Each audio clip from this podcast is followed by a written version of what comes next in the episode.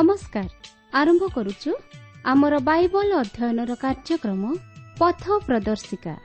ପବିତ୍ର ବାଇବଲ କହେ ତୁମ୍ଭେ ସର୍ବାନ୍ତକରଣ ସହିତ ସଦାପ୍ରଭୁଙ୍କଠାରେ ବିଶ୍ୱାସ କର ଓ ନିଜ ସୁବିବେଚନାରେ ଆଉଜି ପଡ଼ ନାହିଁ। ଆପଣାର ସବୁ ଗତିରେ ତାହାଙ୍କୁ ସ୍ୱୀକାର କର। ତହିଁରେ ସେ ତୁମ୍ଭର ପଥ ସବୁ ସରଳ କରିବେ। ଆସନ୍ତୁ ସେହି ପଥ ପ୍ରଦର୍ଶକଙ୍କର ସନ୍ଧାନ ପାଇବା ନିମନ୍ତେ ଶୁଣିବା ବେତାର କାର୍ଯ୍ୟକ୍ରମ ପଥ ପ୍ରଦର୍ଶିକା।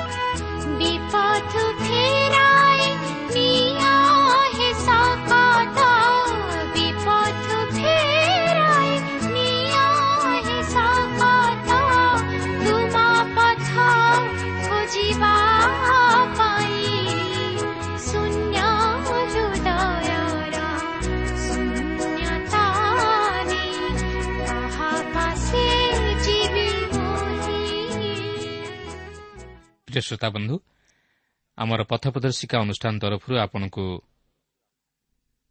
ହାର୍ଦ୍ଦିକ ଅଭିନନ୍ଦନ ଓ ପ୍ରୀତି ଶୁଭେଚ୍ଛା ଜ୍ଞାପନ କରୁଅଛୁ।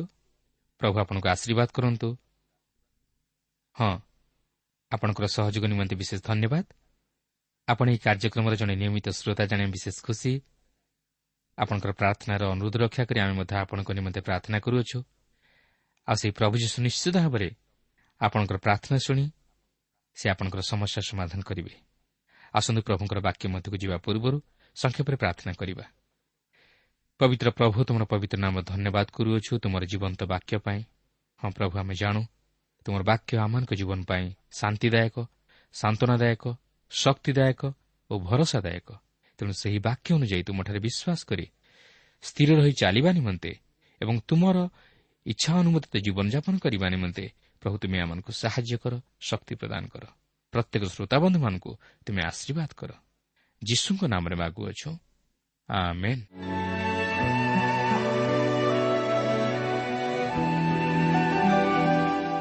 ଆସନ୍ତୁ ବର୍ତ୍ତମାନ ଆମେ ପ୍ରଭୁଙ୍କର ବାକ୍ୟ ମଧ୍ୟକୁ ଯିବା।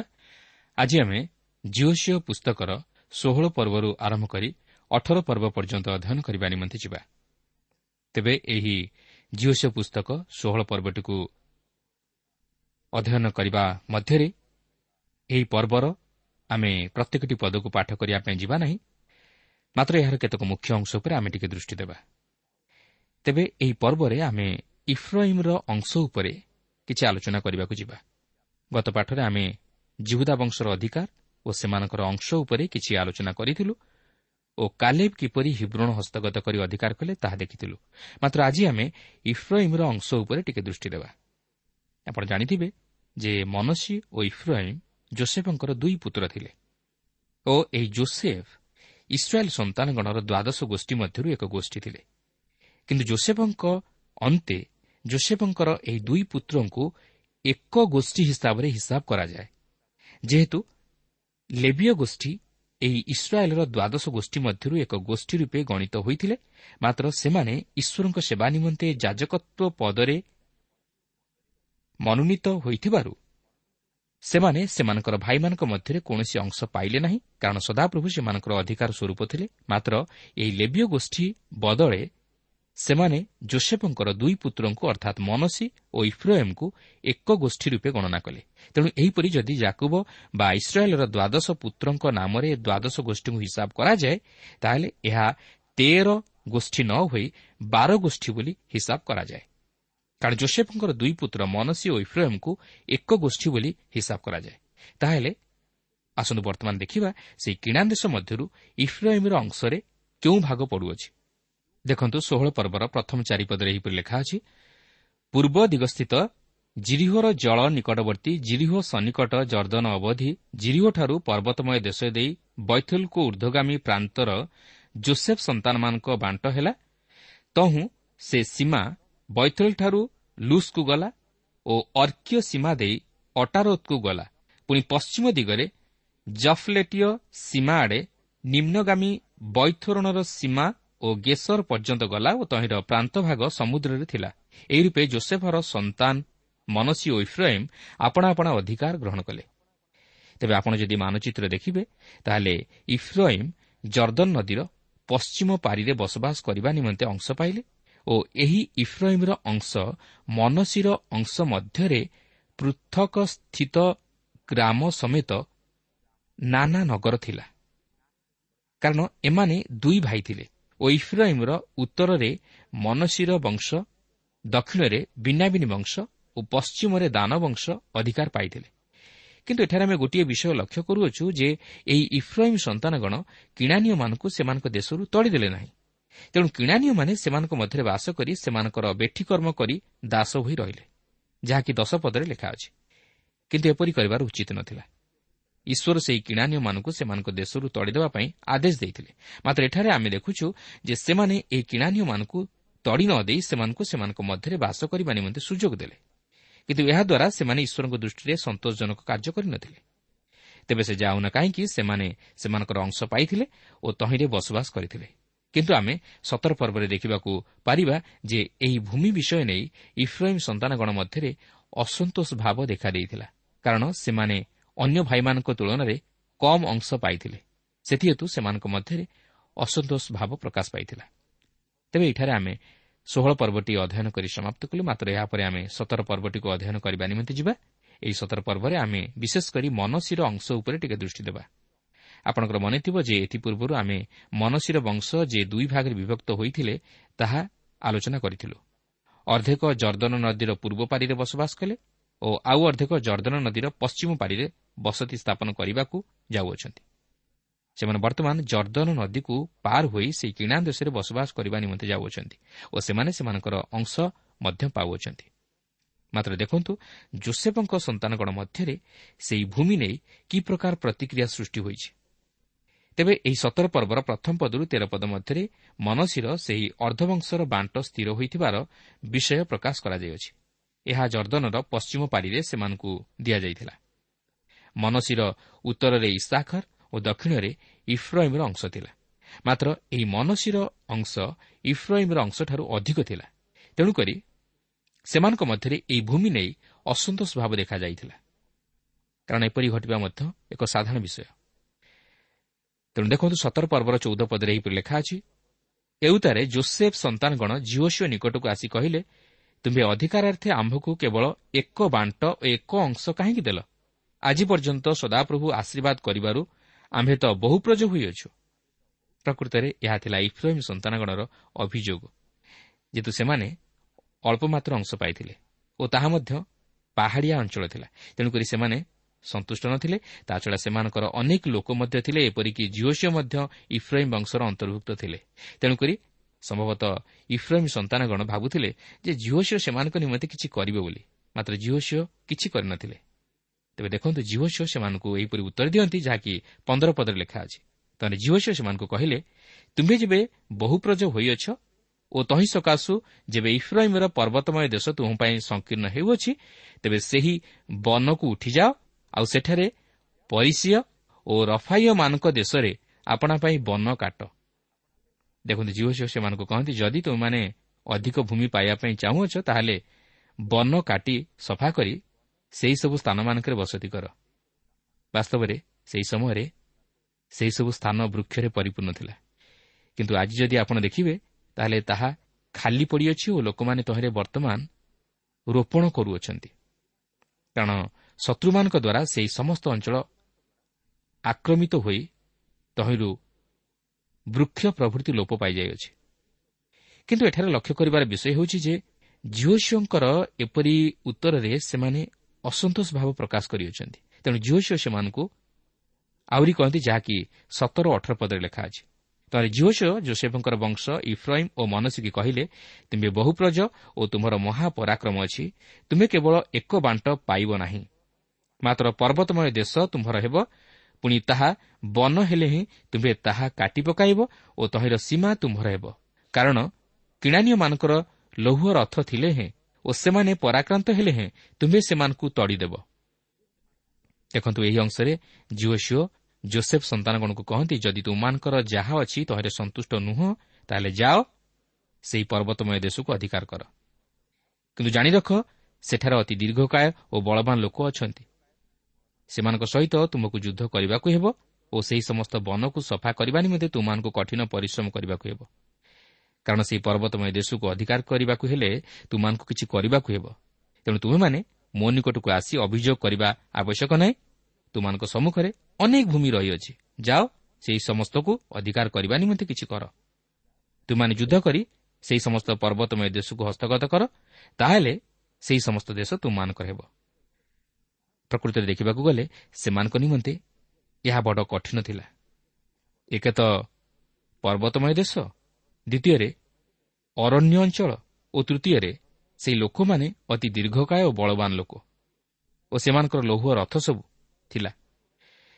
ତେଣୁ ଆପଣ ନିଜେ ଚିନ୍ତା କରନ୍ତୁ ଏହା କେତେ ଦୂର ସମ୍ଭବପର ଥିଲା। ହଁ ସେଦିନ ଏହା ସେମାନଙ୍କ ନିମନ୍ତେ ଶାରୀରିକ ଦୃଷ୍ଟିକୋଣରୁ ଚିନ୍ତା କଲେ ଅତି ଦୁଃସାଧ୍ୟ ଥିଲା।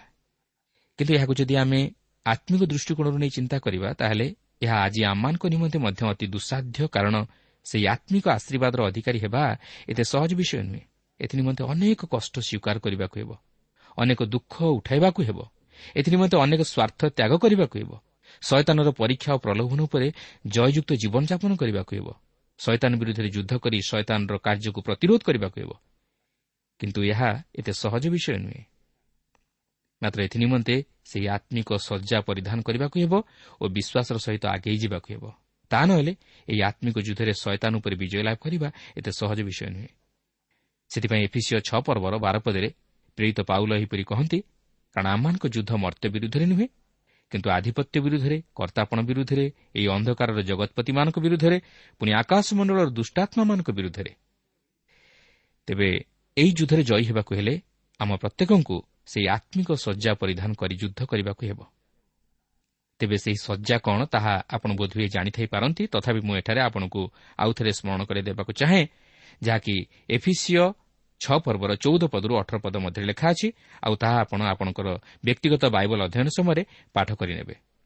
ପ୍ରିୟ ବନ୍ଧୁ ପବିତ୍ର ବାଇବଲ କହେ ମନୁଷ୍ୟ ଯେବେ ସମସ୍ତ ଜଗତ ଲାଭ କରି ଆପଣ ଜୀବନ ହରାଏ ତେବେ ତହିଁରେ ତାହାର କି ଲାଭ ହେବ? ଏହି ଜଗତର ଧନ ସମ୍ପତ୍ତି ଏହି ଜଗତରେ ପଡ଼ି ରହିବ। ମାତ୍ର ଆତ୍ମାଦାତାଙ୍କ ନିକଟକୁ ଆତ୍ମା ଫେରିଯିବ। କିନ୍ତୁ ସେହି ଆତ୍ମାଦାତାଙ୍କୁ ଯଦି ଆତ୍ମା ନ ଚିହ୍ନେ ତାହେଲେ ତାହା କିପରି ଆତ୍ମାଦାତାଙ୍କ ନିକଟରେ ଗୃହୀତ ହେବ?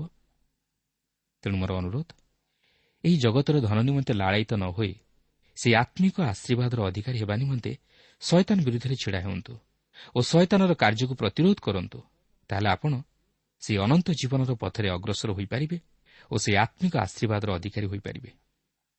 କିନ୍ତୁ ଏଥିନିମନ୍ତେ ପ୍ରଭୁ ଯୀଶୁଖ୍ରୀଷ୍ଟଙ୍କଠାରେ ବିଶ୍ୱାସ କରି ତାହାଙ୍କୁ ନିଜ ହୃଦୟରେ ଗ୍ରହଣ କଲେ ସେ ଆପଣଙ୍କୁ ସେହି ଶଯ୍ୟା ପରିଧାନ କରିବା ନିମନ୍ତେ ସମର୍ଥ କରାଇବେ ଯଦ୍ୱାରା ଆପଣ ଶୟତାନର କାର୍ଯ୍ୟକୁ ନିଜ ଜୀବନରେ ପ୍ରତିରୋଧ କରିପାରିବେ। ବର୍ତ୍ତମାନ ଆମେ ପବିତ୍ର ବାଇବଲ ମଧ୍ୟରୁ ଜିଓସିଓ ପୁସ୍ତକ ତହିଁର ଅଠର ପର୍ବଟିକୁ ଅଧ୍ୟୟନ କରିବା ନିମନ୍ତେ ଯିବା। ତେବେ ଏହି ପର୍ବର ସମସ୍ତ ପଦଗୁଡ଼ିକୁ ଆମେ ପାଠ କରିବା ପାଇଁ ଯିବା ନାହିଁ ମାତ୍ର ଏହାର କେତେକ ମୁଖ୍ୟ ଅଂଶ ଉପରେ ଆମେ ଟିକେ ଦୃଷ୍ଟି ଦେବା। କିନ୍ତୁ ଏଠାରେ ମୁଁ ଆପଣଙ୍କୁ ସ୍ମରଣ କରାଇଦିଏ ଯେ ଏଥିପୂର୍ବରୁ ଆମେ ଏହି ଇସ୍ରାଏଲ୍ ବଂଶମାନଙ୍କ ମଧ୍ୟରେ ସେମାନଙ୍କର ବସବାସ ନିମନ୍ତେ ସେ କିଣା ଦେଶରୁ ଭୂମି ବଣ୍ଟନ କରାଯିବାର ବିଷୟ ଅଧ୍ୟୟନ କରିଥିଲୁ। ଆମେ ଦେଖିଥିଲୁ ଯେ ଜୁହେସିଓ ଏହି ଇସ୍ରାଏଲ୍ ବଂଶ ମଧ୍ୟରୁ ରୁବେନିୟମାନଙ୍କୁ ଗାଦିଓମାନଙ୍କୁ ଓ ମନସୀର ଅର୍ଦ୍ଧବଂଶକୁ ଜର୍ଦ୍ଦନର ପୂର୍ବ ପାରିର ଅଞ୍ଚଳ ବାଣ୍ଟିଦେଲେ ଓ ଏହାପରେ ଜର୍ଦ୍ଦନ ନଦୀର ପଶ୍ଚିମାଞ୍ଚଳକୁ ବାକି ଅନ୍ୟ ନଅ ବଂଶକୁ ଓ ମନସୀର ଅର୍ଦ୍ଧବଂଶକୁ ବାଣ୍ଟି ଦେବାକୁ ଯାଉଅଛନ୍ତି। ସେଥିମଧ୍ୟରୁ ଆମେ ଦେଖିସାରିଛୁ ଯେ ସେ କାଲେବଙ୍କୁ ଓ ଜିହୁଦା ବଂଶକୁ ଇଫ୍ରଇମ୍ ଓ ମନସୀର ଅର୍ଦ୍ଧବଂଶକୁ ବାଣ୍ଟି ସାରିଛନ୍ତି। କିନ୍ତୁ ବାକି ବଳକା ଅଂଶକୁ ସେ ଇସ୍ରାଏଲ୍ର ଅନ୍ୟ ବଂଶମାନଙ୍କୁ ବାଣ୍ଟି ଦେବାକୁ ଯାଉଅଛନ୍ତି ଯାହାକି ବର୍ତ୍ତମାନ ଆମେ ତାହା ଅଧ୍ୟୟନ କରି ଦେଖିବାକୁ ଯିବା। ତେବେ ଦେଖନ୍ତୁ ଅଠର ପର୍ବର ପ୍ରଥମ ପଦରେ ଏହିପରି ଲେଖା ଅଛି। ଅନନ୍ତର ଇସ୍ରାଏଲ୍ ସନ୍ତାନଗଣର ସମସ୍ତ ମଣ୍ଡଳୀ ସିଲୋରେ ଆପଣାମାନଙ୍କୁ ଏକତ୍ର କରି ସେଠାରେ ସମାଗମ ତମ୍ବୁ ସ୍ଥାପନ କଲେ। ଦେଶ ସେମାନଙ୍କ ସମ୍ମୁଖରେ ପରାଜିତ ହେଲା। ଏଠାରେ ଆପଣ ଲକ୍ଷ୍ୟ କରିବେ ଇସ୍ରାଏଲ୍ ସନ୍ତାନଗଣ ସିଲୋରେ ସମାଗମ ତମ୍ବୁ ସ୍ଥାପନ କରୁଅଛନ୍ତି ଯେଉଁ ସିଲୋ କି ଇଫ୍ରାଇମ୍ର ଏକ ନଗର ଥିଲା। ତେବେ ସେ ଯାହା ହେଉନା କାହିଁକି ଏହି ସ୍ଥାନ ସେହି ସମାଗମ ତମ୍ବୁ ନିମନ୍ତେ ସ୍ଥାୟୀ ଥିଲା। କାରଣ ଏହି ସ୍ଥାନ ଏହି କିଣା ଦେଶର କେନ୍ଦ୍ରସ୍ଥଳ ନଥିଲା। ଈଶ୍ୱର ଦାଉଦଙ୍କ ଦ୍ୱାରା ଏକ ସ୍ଥାନ ନିରୂପଣ କରିଥିଲେ ତାହା ଥିଲା ଜିରୁସାଲମ୍। କିନ୍ତୁ ଏହି ଜିରୁସାଲମ୍ରେ ସମାଗମ ତମ୍ବୁ ବା ସେହି ମନ୍ଦିର ନିର୍ମିତ ହେବା ପୂର୍ବରୁ ଏହି ସିଲୋରେ ସମାଗମ ତମ୍ବୁ ସ୍ଥାପିତ ହୋଇଥିଲା। ଓ ଇସ୍ରାଏଲ୍ ସନ୍ତାନଗଣ ସିଲୋରେ ଈଶ୍ୱରଙ୍କର ଉପାସନା ଓ ପୂଜା ଆରାଧନା କରୁଥିଲେ। ଏପରିକି ବିଚାରକର୍ତ୍ତାମାନଙ୍କ ସମୟକାଳ ମଧ୍ୟରେ ଏହି ସମାଗମ ତମ୍ବୁ ସିଲୋରେ ସ୍ଥାପିତ ହୋଇଥିଲା। ତେବେ ଏହି ସମାଗମ ତମ୍ବୁ କ'ଣ ବୋଲି ଆପଣଙ୍କ ମନରେ ପ୍ରଶ୍ନ ଉଠିପାରେ? କିନ୍ତୁ ମୁଁ ଭାବୁଛି ଆପଣ ଏହି ସମାଗମ ତମ୍ବୁ ବିଷୟରେ ପୂର୍ବରୁ ଅଧ୍ୟୟନ କରିସାରିଛନ୍ତି ତଥାପି ମୁଁ ଏଠାରେ ସଂକ୍ଷେପରେ ଆପଣଙ୍କୁ ଜଣାଇ ଦେବାକୁ ଚାହେଁ ଯେ ଏହି ସମାଗମ ତମ୍ବୁ ଇସ୍ରାଏଲ୍ ସନ୍ତାନଗଣଙ୍କର ପୂଜା ଉପାସନାର ଏକ ଧାର୍ମିକ କେନ୍ଦ୍ରସ୍ଥଳୀ ଥିଲା ଯେଉଁଠାରେ ସେମାନେ ଈଶ୍ୱରଙ୍କର ପୂଜା ଆରାଧନା କରିବା ସହିତ ତାହାଙ୍କ ଉଦ୍ଦେଶ୍ୟରେ ହୋମବଳି ତଥା ବଳିଦାନ ପ୍ରଭୃତି ଉତ୍ସର କରୁଥିଲେ ଓ ସମବେତ ଭାବେ ଈଶ୍ୱରଙ୍କର ପୂଜା ଆରାଧନା କରୁଥିଲେ। କିନ୍ତୁ ଏହି ସମାଗମ ତମ୍ବୁ ରାଜାମାନଙ୍କ ସମୟରେ ମନ୍ଦିରର ରୂପ ନେଇଥିଲା। ଓ ଏହା ଜିରୁସାଲମରେ ସ୍ଥାପିତ ହୋଇଥିଲା। ଦାଉଦ ରାଜା ଏହାର ଭିତ୍ତିମୂଳ ସ୍ଥାପନ କରିଥିଲେ ମାତ୍ର ତାହାଙ୍କ ପୁତ୍ର ସଲୋମନ ଏହି ମନ୍ଦିରକୁ ନିର୍ମାଣ କରିଥିଲେ। କିନ୍ତୁ ବିଚାରକର୍ତ୍ତାମାନଙ୍କର ସମୟରେ ଏହି ସିଲୋରେ ଇସ୍ରାଏଲ୍ ସନ୍ତାନଗଣ ସମାଗମ ତମ୍ବୁ ମଧ୍ୟରେ ଈଶ୍ୱରଙ୍କ ଉଦ୍ଦେଶ୍ୟରେ ନୈବେଦ୍ୟ ଓ ହୋମବଳି ତାଛଡ଼ା ବଳିଦାନ ପ୍ରଭୃତି ଉତ୍ସର କରି ଈଶ୍ୱରଙ୍କର ପୂଜା ଆରାଧନା କରୁଥିଲେ। ତେଣୁ ଏହି ସିଲୋରେ ଯଦିଓ ଇସ୍ରାଏଲ୍ ସନ୍ତାନଗଣ ସମାଗମ ତମ୍ବୁ ସ୍ଥାପନ କରିଥିଲେ ମାତ୍ର ଏହା ଅସ୍ଥାୟୀ ଥିଲା। ତେବେ ସେ ଯାହୁନା କାହିଁକି ସେମାନେ ଯେ ଈଶ୍ୱରଙ୍କ ପୂଜା ଆରାଧନା ନିମନ୍ତେ ଏକ ସ୍ଥାନ ନିରୂପଣ କରି ସେଠାରେ ସମାଗମ ତମ୍ବୁ ସ୍ଥାପନ କରିବା ଦ୍ୱାରା ଈଶ୍ୱରଙ୍କ ପ୍ରତି ସେମାନଙ୍କର ଭକ୍ତି ଓ ଉଦ୍ୟୋଗ ପ୍ରକାଶ କରିଥିଲେ ତହିଁରେ ସନ୍ଦେହ ନାହିଁ। ଈଶ୍ୱର ତାହା ହିଁ ଆମ ପ୍ରତ୍ୟେକଙ୍କ ଜୀବନରେ ଆଶା କରନ୍ତି। ଆମେ ଯେପରି ତାଙ୍କର ସେବା ପୂଜା ଆରାଧନା ନିମନ୍ତେ ସମୟ ଦେଉ ଓ ତାହାଙ୍କ ଉପାସନା ନିମନ୍ତେ ଏକ ନିର୍ଦ୍ଦିଷ୍ଟ ସ୍ଥାନ ନିରୂପଣ କରି ତାହାଙ୍କ ନିମନ୍ତେ ଏକ ଉପାସନା ଗୃହ ନିର୍ମାଣ କରି ତାହାଙ୍କ ଉଦ୍ଦେଶ୍ୟରେ ସମବେତ ଭାବେ ସେବା ପୂଜା ଓ ଆରାଧନା ଉତ୍ସର୍ଗ କରୁ। ଆପଣ ଦେଖନ୍ତୁ ଇସ୍ରାଏଲ୍ ସନ୍ତାନଗଣ ତାହା କରିବା ନିମନ୍ତେ ଭୁଲି ଯାଇନଥିଲେ ମାତ୍ର ସେମାନେ ସିଲୋରେ ସେହି ସମାଗମ ତମ୍ବୁ ସ୍ଥାପନ କରି ଈଶ୍ୱରଙ୍କର ଉପାସନା କରିବାକୁ ଲାଗିଲେ। ପ୍ରିୟ ବନ୍ଧୁ ଆମ ଜୀବନରେ ଆମେ ଯାହା କିଛି କରୁନା କାହିଁକି ଏହି ସମସ୍ତ ମଧ୍ୟରେ ଈଶ୍ୱରଙ୍କ ପୂଜା ଆରାଧନା ନିମନ୍ତେ ଆମକୁ ସମୟ ଦେବାକୁ ହେବ। ଅନେକ ସମୟରେ ଆମେ ନିଜ ନିମନ୍ତେ କେବଳ ବ୍ୟସ୍ତ ରହିଥାଉ। କେମିତି ନିଜର ସମ୍ପତ୍ତି ବଢ଼େଇବି ସୁନ୍ଦର ଘରଟିଏ ତୋଳିବି ଅଧିକ ଅର୍ଥ ଉପାର୍ଜନ କରିବି ଏହିପରି ଅନେକ ଜାଗତିକ ବିଷୟରେ ଆମେ ବ୍ୟସ୍ତ ରହିଯାଇଥାଉ କିନ୍ତୁ ଈଶ୍ୱରଙ୍କ ନିମନ୍ତେ ଆମେ ସମୟ ଦେଇପାରିନଥାଉ କି ତାହାଙ୍କ ନିମନ୍ତେ କିଛି କରିପାରିନଥାଉ ଆଜି ଅନେକ ଖ୍ରୀଷ୍ଟ ବିଶ୍ୱାସୀମାନେ କେବଳ ନିଜର ନିମନ୍ତେ ଚିନ୍ତିତ ହୋଇପଡ଼ନ୍ତି ନିଜ ନିମନ୍ତେ ଅତି ସୁନ୍ଦର ଓ ବ୍ୟୟ ସାପେକ୍ଷ ଗୃହ ନିର୍ମାଣ କରନ୍ତି ବ୍ୟାଙ୍କରେ ଟଙ୍କା ଅଧିକରୁ ଅଧିକ ଜମା କରନ୍ତି ଗାଡ଼ି ମଟର ଆଦି ଅନେକ ବ୍ୟୟବହୁଳ ଯାନ ପ୍ରଭୃତି ବ୍ୟବହାର କରନ୍ତି ମାତ୍ର ସେମାନେ ଈଶ୍ୱରଙ୍କ ମଣ୍ଡଳୀ ପ୍ରତି ବା ଉପାସନା ଗୃହ ପ୍ରତି ଦୃଷ୍ଟି ଦିଅନ୍ତି ନାହିଁ। ସେମାନେ ଖ୍ରୀଷ୍ଟଙ୍କ ମଣ୍ଡଳୀର ଅଭିବୃଦ୍ଧି ପ୍ରତି ଦୃଷ୍ଟି ଦିଅନ୍ତି ନାହିଁ। ଆଜି ଅନେକ ଖ୍ରୀଷ୍ଟୀୟ ମଣ୍ଡଳୀ ମଧ୍ୟ ମଧ୍ୟ ଏହିସବୁ ଦୁର୍ବଳତା ଦେଖାଦେଉଛି। କିନ୍ତୁ ଈଶ୍ୱର ତହିଁରେ ସନ୍ତୁଷ୍ଟ ନୁହନ୍ତି। ଯେଉଁମାନେ ଈଶ୍ୱରଙ୍କ ବିଷୟରେ ଉଦ୍ୟୋଗୀ ନୁହନ୍ତି ବା ଖ୍ରୀଷ୍ଟୀୟ ମଣ୍ଡଳୀର ଯତ୍ନ ନ ନିଅନ୍ତି ସେମାନେ କେବେ ହେଲେ ଆତ୍ମିକ ଆଶୀର୍ବାଦର ଅଧିକାରୀ ହୋଇପାରିବେ ନାହିଁ। ହୋଇପାରେ ସେମାନେ ଜାଗତିକ ବିଷୟରେ ଧନୀ ହୋଇପାରନ୍ତି। ମାତ୍ର ଆତ୍ମିକ ଜୀବନରେ ସେମାନେ ଦରିଦ୍ର ହୋଇ ରୁହନ୍ତି। ତାହେଲେ ମନୁଷ୍ୟ ଯଦି ନିଜର ଆତ୍ମିକ ଜୀବନକୁ ହରାଏ ତାହେଲେ ତହିଁରେ କି ଲାଭ ହେବ? ପ୍ରିୟ ବନ୍ଧୁ ଏହି ଜଗତରେ ଧନ ଜଗତରେ ପଡ଼ି ରହିବ। ମାତ୍ର ଆପଣ ସ୍ୱର୍ଗରେ ଯାହା ସଞ୍ଚୟ କରିଥିବେ ତାହା ଆପଣଙ୍କର ହେବ। ସେଥିପାଇଁ ମାଥ୍ୟୁ ଛଅ ପର୍ବର ଉଣେଇଶ କୋଡ଼ିଏ ପଦରେ ଲେଖା ଅଛି ଯେଉଁଠାରେ କୀଟ ଓ କଳଙ୍କ କ୍ଷୟ କରେ ପୁଣି ଚୋରମାନେ ସିନ୍ଧି କାଟି ଚୋରି କରନ୍ତି ଏପରି ପୃଥିବୀରେ ଆପଣା ଆପଣା ନିମନ୍ତେ ଧନ ସଞ୍ଚୟ କର ନାହିଁ। ମାତ୍ର ଯେଉଁଠାରେ କୀଟ ଓ କଳଙ୍କ କ୍ଷୟ ନ କରେ ଏବଂ ଚୋରମାନେ ସିନ୍ଧି କାଟି ଚୋରି ନ କରନ୍ତି ଏପରି ସ୍ୱର୍ଗରେ ଆପଣା ଆପଣା ନିମନ୍ତେ ଧନ ସଞ୍ଚୟ କର। ପ୍ରିୟ ବନ୍ଧୁ ଏହି ଜଗତ ପାଇଁ ଆମେ ଯାହା କରିଯାଇଥିବା ତାହା ଆମର ସହିତରେ ଯିବ ନାହିଁ। ମାତ୍ର ଆମେ ଈଶ୍ୱରଙ୍କ ନିମନ୍ତେ ଏହି ଜଗତରେ ଯାହା କରିଥିବା ତାହା ଆମ ସହିତରେ ଯିବ। ତେଣୁ ଆସୁ ଆମେ ଈଶ୍ୱରଙ୍କ ଇଚ୍ଛା ଓ ଅଭିମତକୁ ପ୍ରଥମେ ସଫଳ କରିବା ପାଇଁ ଚେଷ୍ଟା କରୁ ଓ ତାହାଙ୍କର ସେବା ପୂଜା ଓ ଆରାଧନାରେ ସମୟ ବିତାଇବାକୁ ଚେଷ୍ଟା କରୁ ଓ ତାହାଙ୍କୁ ନିଜ ଜୀବନରେ ପ୍ରଥମ ସ୍ଥାନ ଦେଉ ତାହାହେଲେ ଆମେ ସେହି ସ୍ୱର୍ଗୀୟ ଧନ ପ୍ରାପ୍ତ ହୋଇପାରିବା ଯାହାକି ଅକ୍ଷୟ ଅନନ୍ତ ଓ ଚିରସ୍ଥାୟୀ। ଆସନ୍ତା ଏହାପରେ ଦେଖିବା ଯେ ଜିଓ ସିଓ ଇସ୍ରାଏଲ୍ର ଅବଶିଷ୍ଟ ସାତ ବଂଶଧରଙ୍କୁ କିପରି ସେମାନଙ୍କର ଅଧିକାର ସ୍ୱରୂପେ ଭୂମି ଦଖଲ କରିବା ପାଇଁ ଏକ ଆହ୍ୱାନ ଦେଉଛନ୍ତି କାରଣ ସେମାନେ କେତେକ ଅଞ୍ଚଳ ସେମାନଙ୍କର ଅଧିକାର ସ୍ୱରୂପେ ପାଇବାକୁ ଥିଲା କିନ୍ତୁ ସେହି ଅଞ୍ଚଳ ସବୁ ସେମାନଙ୍କୁ ଅଧିକାର କରିବାକୁ ଥିଲା। ସେମାନଙ୍କ ସମ୍ମୁଖରେ ସେହିସବୁ ଅଞ୍ଚଳ ରଖାଯାଇଥିଲା। ମାତ୍ର ସେମାନେ ଯାଇ ତାହା ଅଧିକାର କରିବାକୁ ଥିଲା ଯାହାକି ଆମେ ଅଠର ପର୍ବର ଦୁଇ ଓ ତିନି ପଦରେ ଉଲ୍ଲେଖ ହୋଇଥିବାର ଲକ୍ଷ୍ୟ କରିବାକୁ ପାରୁ। ସେ ସମୟରେ ଇସ୍ରାଏଲ୍ ସନ୍ତାନଗଣ ମଧ୍ୟରୁ ଅଧିକାର ଅପ୍ରାପ୍ତ ସାତ ବଂଶ ଅବଶିଷ୍ଟ ଥିଲେ। ତାହେଲେ ଜିଓ ସିଓ ଇସ୍ରାଏଲ୍ ସନ୍ତାନଗଣକୁ କହିଲେ ସଦାପ୍ରଭୁ ତୁମାନଙ୍କ ପୂର୍ବପୁରୁଷଗଣର ପରମେଶ୍ୱର ତୁମାନଙ୍କୁ ଯେଉଁ ଦେଶ ଦେଇଅଛନ୍ତି ସେଠାକୁ ଯାଇ ତାହା ଅଧିକାର କରିବାକୁ ତୁମାନେ କେତେ କାଳ ଆଳସ୍ୟ କରିବ? ଆପଣ ଚିନ୍ତା କରନ୍ତୁ। ଯେତେବେଳେ ଜିଓସିଓ ଏହିପରି ଭାବେ ଇସ୍ରାଏଲ୍ର ଦ୍ୱାଦଶ ବଂଶ ମଧ୍ୟରୁ ପାଞ୍ଚ ବଂଶକୁ ଭୂମି ବାଣ୍ଟି ଦେଇଥିବେ ସେତେବେଳେ ଆଉ ଅବଶିଷ୍ଟ ସାତ ବଂଶ ମନେ ମନେ ଭାବୁଥିବେ ଯେ ଦେଖାଯାଉ ଝିଅ ଆମକୁ କେଉଁ ପ୍ରକାର ଭୂମି ପ୍ରଦାନ କରୁଅଛନ୍ତି। ମୁଁ ଭାବୁଛି ସେମାନେ ଏହିପରି ଅପେକ୍ଷା କଲାପରେ ଯେତେବେଳେ ଦେଖିଥିବେ ଯେ ଝିଅ ଝିଅ ସେମାନଙ୍କୁ ଭୂମି ବାଣ୍ଟି କରି ଦେଉନାହାନ୍ତି ସେତେବେଳେ ସେମାନେ ଝିଅ ଝିଅଙ୍କୁ କହିଥିବେ ଝିଅ ଝିଅ ତୁମେ ଆମକୁ କେଉଁ ଭୂମି ଦେଉଅଛ ଆଉ ଝିଅ ଝିଅ ସେମାନଙ୍କୁ କହିଥିବେ ଆରେ ତୁମାନଙ୍କ ସମ୍ମୁଖରେ ତ ଏହି ସମସ୍ତ ଅଞ୍ଚଳ ଅଛି ଯାହାକି କାହାକୁ ଦିଆଯାଇ ନାହିଁ। ତୁମାନେ ଯାଅ ସେହି ସମସ୍ତ ଅଞ୍ଚଳକୁ ଅଧିକାର କର। କିନ୍ତୁ ଏହିପରି କେତେଦିନ ତୁମମାନେ ଅପେକ୍ଷା କରି ରହିବ? ବାସ୍ତବିକ ଆଜି ମଧ୍ୟ ଈଶ୍ୱର ଆମକୁ ସେହିପରି ଭାବେ ସେହି ଆତ୍ମିକ ଆଶୀର୍ବାଦର ଅଧିକାରୀ ହେବାକୁ ଆହ୍ୱାନ ଦିଅନ୍ତି। ତୁମାନେ ଯାଅ ସେହି ସମସ୍ତ ଆଶୀର୍ବାଦକୁ ଅଧିକାର କର।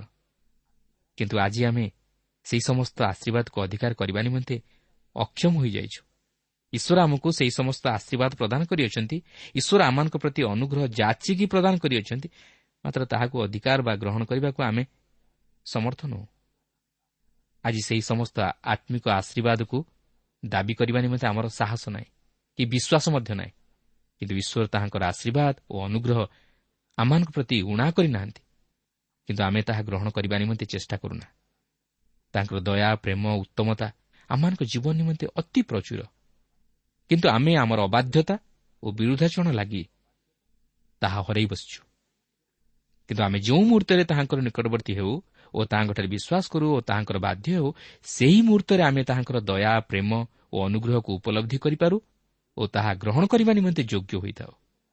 ପ୍ରିୟ ବନ୍ଧୁ ଜାଣି ରଖନ୍ତୁ ଆପଣ ସିନା ଈଶ୍ୱରଙ୍କଠାରୁ ଦୂରେଇ ଯାଆନ୍ତି ଓ ନିଜର ସ୍ୱାର୍ଥ ନେଇ ତାହାଙ୍କୁ ଭୁଲି ଯାଆନ୍ତି ମାତ୍ର ସେ ଆପଣଙ୍କୁ ଦୂରେଇ ଦିଅନ୍ତି ନାହିଁ କି ଭୁଲି ଯାଆନ୍ତି ନାହିଁ।